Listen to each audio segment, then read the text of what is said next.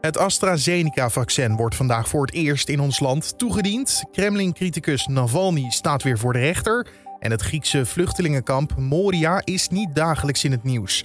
Maar de dagelijkse situatie voor de mensen daar is wel schrijnend te noemen.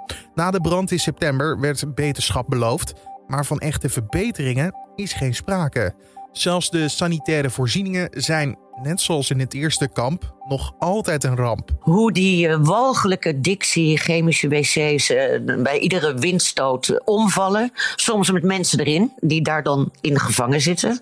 En die hebben er dan bovenop hun oorlogstrauma een stroomtrauma bij, letterlijk. Ingeborg Beugel, correspondent vanuit Griekenland voor de Groene Amsterdammer en BNN Vara Radio hoorde je daar. Straks praten we met haar verder over Moria 2.0. Eerst kijken we kort naar het belangrijkste nieuws van nu. Mijn naam is Carne van der Brink en het is vandaag vrijdag, vrijdag de 12e zelfs. Dankjewel Chris en Willeke voor jullie mailtje. Ja, ik zat gisteren in een compleet andere tijdzone. Maar nu heb ik het goed. De Nederlandse BOA-bond en de politievakbond denken dat het deze zaterdag erg druk wordt rond de schaatsgebieden. Om die drukte te voorkomen verwachten ze dat burgemeesters zullen ingrijpen. Dat zeggen ze vandaag in de Telegraaf. De komende dagen kan er op steeds meer plekken op natuurijs geschaatst worden. Omdat het vanaf zondag mogelijk gaat dooien, wordt vooral zaterdag grote drukte verwacht. Volgens de politievakbond is het handhaven van de coronaregels op het ijs niet te doen. Er zijn voor zover bekend nog geen gemeentes die preventief gebieden zullen afsluiten. Dat carnaval dit jaar niet doorgaat, doet niet alleen pijn bij feestvierders en kroegen. Ook de bierbrouwers moeten toezien hoe de pandemie een streep zet door de verkoop van miljoenen liters bier. Twee jaar geleden werd uitgerekend dat carnavalsvierders zo'n 270 miljoen euro uitgeven tijdens het feest. En ongeveer de helft daarvan gaat op aan alcohol. Dat de brouwers vele miljoenen euro's mislopen mag dus duidelijk zijn. Diverse brouwers hebben zich wel aangesloten bij lokale initiatieven om thuis carnaval te vieren. Maar dat dit jaar net zoveel pilsjes achterover worden getikt als normaal lijkt uitgesloten. De democratische aanklagers hebben op de derde dag in het impeachmentproces de Senaat gevraagd om een veroordeling van oud-president Donald Trump. Het was de laatste dag dat de aanklagers hun zaak mochten pleiten. There are hundreds of millions of citizens who can be president. Donald Trump has disqualified himself and you must disqualify him too. De Democraten proberen aan te tonen dat Trump zijn aanhangers opjutte om naar Washington te komen en het Capitool te bestormen. Ze lieten weer beelden zien van relschoppers die tijdens de bestorming riepen dat ze in het Capitool waren omdat de president dat van hen vroeg.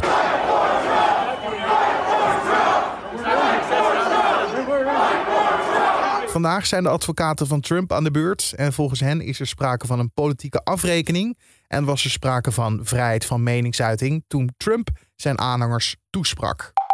De helft van de bedrijven met minstens twee werknemers vroeg vorig jaar coronasteun aan. Dat meldt het Centraal Bureau voor de Statistiek. De NOW-regeling was vorig jaar de meest gebruikte maatregel. Deze regeling geldt voor bedrijven die op kwartaalbasis minstens 20% minder omzet draaien dan in dezelfde periode een jaar eerder. Het geld mag alleen gebruikt worden om loon uit te betalen of ontslagen werknemers te begeleiden naar ander werk. De was de grootste vragende partij. 85% van de café- of restaurantuitbaters vroegen een tegemoetkoming voor de vaste last aan. Landbouw, bosbouw en vissersbedrijven hadden de maatregelen het minst nodig. Na de brand in het Griekse vluchtelingenkamp Moria begin september vorig jaar kwam de belofte van beterschap. Een nieuw kamp waar de vluchtelingen onder betere omstandigheden zouden leven. Inmiddels, zo'n vijf maanden later, is de situatie er niet beter op geworden. Het nieuwe kamp, Moria 2.0, is vrijwel op alle vlakken juist een achteruitgang. Hoe dat zit? Nou, daarover praat collega Julien Dom verder met Ingeborg Beugel, correspondent vanuit Griekenland voor de Groene Amsterdammer en BNN Vara Radio. Je moet je voorstellen, Moria 2.0 is uh, uit de grond gestampt na de verwoestende branden van Moria 1.0 op een landtong aan het einde van Lesbos. Op een plek waar geen eilandbewoner zelf naartoe gaat, ook niet in de zomer. Uh, in de zomer is het uh, met in het midden van de scherpe winden en hoge golven Uh, maar dan is de, het land, de grond in ieder geval droog. Het was dan ook een oud militair schietterrein. En in de winter, dat weten alle lesbioten, uh, wordt het moeras. Dus uh, er was beloofd dat er gedraineerd zou worden, dat er ophogingen met grind voor tenten gebouwd zouden worden, dat er elektriciteit zou worden aangelegd, dat er douches en wc's zouden komen. En van dat alles is bijna niets terechtgekomen. Bijna niets. Wat er wel van is gebeurd, is nou ja, leggerlieg. Maar, maar, je zegt ook moeras. Oftewel, ik moet me voorstellen, de mensen die daar nu zitten, die zitten met de drassige grond onder hun voeten. Ja, ik heb altijd de indruk dat nog nooit een vluchtelingenkamp binnen Europa zo goed gedocumenteerd is. Gedocumenteerd is. Er zijn zoveel foto's op uh, Facebookpagina's van allerlei NGO's en ook organisaties van de vluchtelingen in Moria 2.0 zelf. Iedereen hoeft maar te gaan naar, ik noem zo wat, uh, Moria White Helmets, Moria Witte Helmen of uh, Moria Corona Awareness Team of um, Info Volunteers Lesbos. En wat zien we dan? Zijn, nou, dan zie je dus voortdurend de meest gruwelijke foto's van eindeloze modder, waar lekkende, oorverdovend, bulderende flappertenten naast staan. Je ziet allemaal foto's van hoe dat water de hele tijd die tenten binnenstroomt, hoe mensen geen droge kleren hebben, hoe die uh, walgelijke Dixie chemische wc's uh, bij iedere windstoot omvallen, soms met mensen erin die daar dan in gevangen zitten. En die hebben er dan bovenop hun oorlogstrauma een stroomtrauma bij, letterlijk. Um, je kunt het zelf zien. By the way, de Griekse autoriteiten hebben het maken van foto's verboden in dat kamp. Uh, dus iedere vluchteling en iedere vrijwilliger die dat doet, riskeert zijn telefoon te verliezen. Dus alle foto's die je ziet zijn illegaal en kleine heldendaden. Daar is geen vrijheid voor gegeven. Waarom is dat? Waarom wil de Griekse regering dat geheim houden? Of in ieder geval ja, dat het niet naar buiten komt? Ja, wat denk je zelf? Het is natuurlijk um, absoluut misdadig dat Athene, die zoveel miljoenen heeft gekregen voor humane vluchtelingenopvang in Griekenland, uh, met al dat geld uh, dit kamp niet heeft weten te verbeteren. Er is net een groot schandaal aan het licht gekomen. Er was een Grieks bouwbedrijf, Actor heet dat. En dat heeft uh, van de Griekse premier, uh, de rechtse Kyriakos Mitsotakis, 5,5 miljoen EU-geld gekregen. Dat is dus geld waarvoor jij en ik belasting betalen. Om uh, voor het einde van de winter, dus eigenlijk voordat de winter zou beginnen, dat horrorkampen op die verschrikkelijke locatie winterklaar te maken. En uh, twee weken geleden heeft het laten weten. Nou jongens, we houden ermee op. En we gaan uh, pas in maart weer door. Daar heeft het toestemming voor gekregen van de Griekse regering. En wat is er tot dus, nu toe wel gedaan dan? Nou ja, niks. Kijk naar die foto's. Er, er, er, er worden um, rapporten aan Brussel afgeleverd door een nieuw in het uh, leven geroepen orgaan. Uh, herinner je nog de trojka? Uh, dat de bezuinigingen in Griekenland moest doorvoeren tijdens de Griekse crisis met aan het hoofd onze eigen Jeroen Dijsselbloem. Nou, er is dus nu een soort trojka. Niet voor het doorvoeren van bezuinigingen, maar voor het, uh, um, ja, het, het, verbeteren van omstandigheden in al die vluchtelingenkampen in heel Griekenland. Dat zijn er 73 in totaal. Waarvan Moria 2.0 er dus één is, hè? Ja, dat is er maar één. Hè. alle aandacht gaat daar naartoe. Maar uh, er zijn 73 van die kampen. En ze zijn allemaal even erg als Moria 2.0. Of bijvoorbeeld op Samos nog erger. Maar daar zitten bijna geen NGO's, geen buitenlanders. Daar komt bijna geen pers, dus dat weet men niet. Maar ga naar FB en ook daar vind je de foto's en de verhalen. Maar bereiken deze ehm, berichten en deze verhalen en uh, ook deze foto's dan de internationale politiek dan niet? Ik bedoel, jij zegt het net, het is internationaal geld. Nederland betaalt er ook aan mee. Wordt daar geen kritiek op geuit dat het niet, of tenminste nog altijd niet voldoende is dan? Nou, dat wilde ik net uitleggen. Die EU Task Force voor vluchtelingen, dus zeg maar de trojka, maar dan voor vluchtelingen in Griekenland. Met aan het hoofd niet Jeroen Dijsselbloem, maar een Duitse vrouw. Die moet rapporteren. En allerlei politici van alle EU-lidstaten, zoals onze eigen broekersknol, baseren zich op de rapportage van die EU Task Force Lesbos. En die rapportages die deugen niet. Dus de laatste rapportage was: er zijn nu 400 wc's, uh, er zijn uh, 218 uh, douches, er is elektriciteit aangelegd, er is gedraineerd enzovoort. Nou ja, als je als broekersknol die twee keer uh, op Lesbos is geweest, nog niet bij Moja 2.0, maar ze kent het als haar broekzak, die reportage onder ogen krijgt, dan heeft zij de morele plicht, zou je denken, om onmiddellijk niet alleen te constateren die rapportage deugt niet, maar ook te zeggen die ga ik niet gebruiken om de Kamer in te lichten. Maar dat doet ze wel. En ik heb er met Europarlementariërs over gesproken, waaronder Tineke Strik. En die zeggen gewoon keihard: die rapportages die deugen niet. Daarom laten we nu de European Court for Human Rights die rapportages onderzoeken.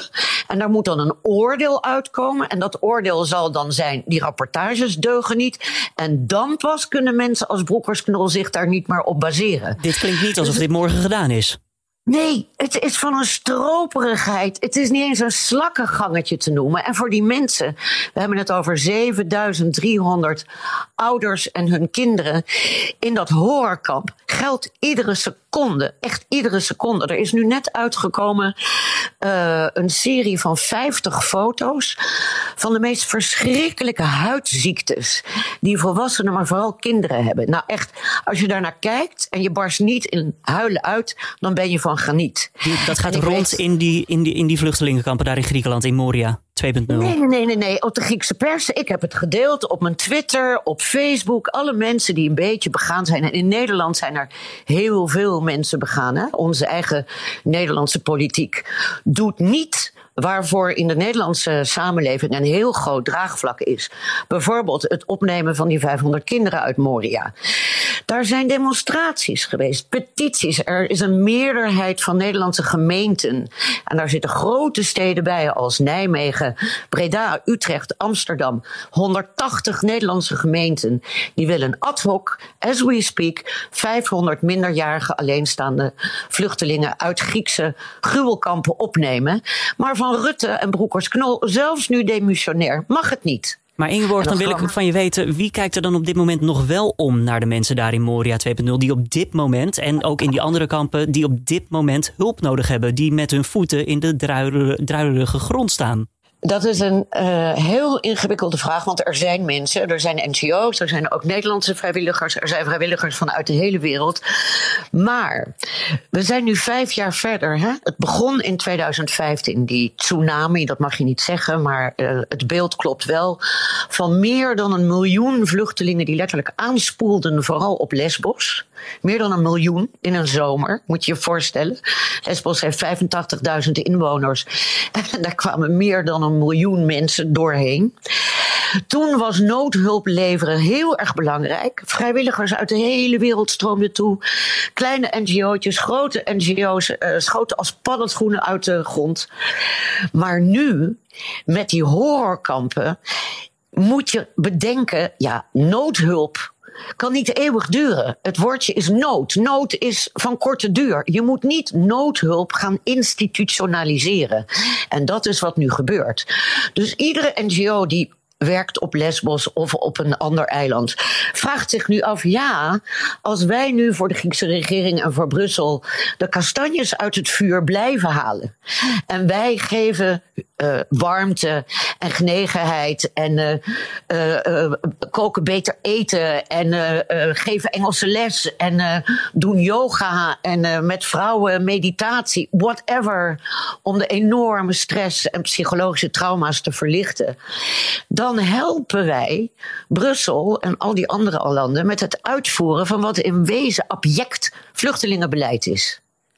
Dus daar zit een heel ingewikkelde eh, een heel ingewikkeld dilemma. Een heleboel NGO's die zeggen ook: ja, wij willen hier niet meer aan meehelpen. Er zijn zelfs mensen die zeggen: eigenlijk zouden alle hulporganisaties even moeten staken.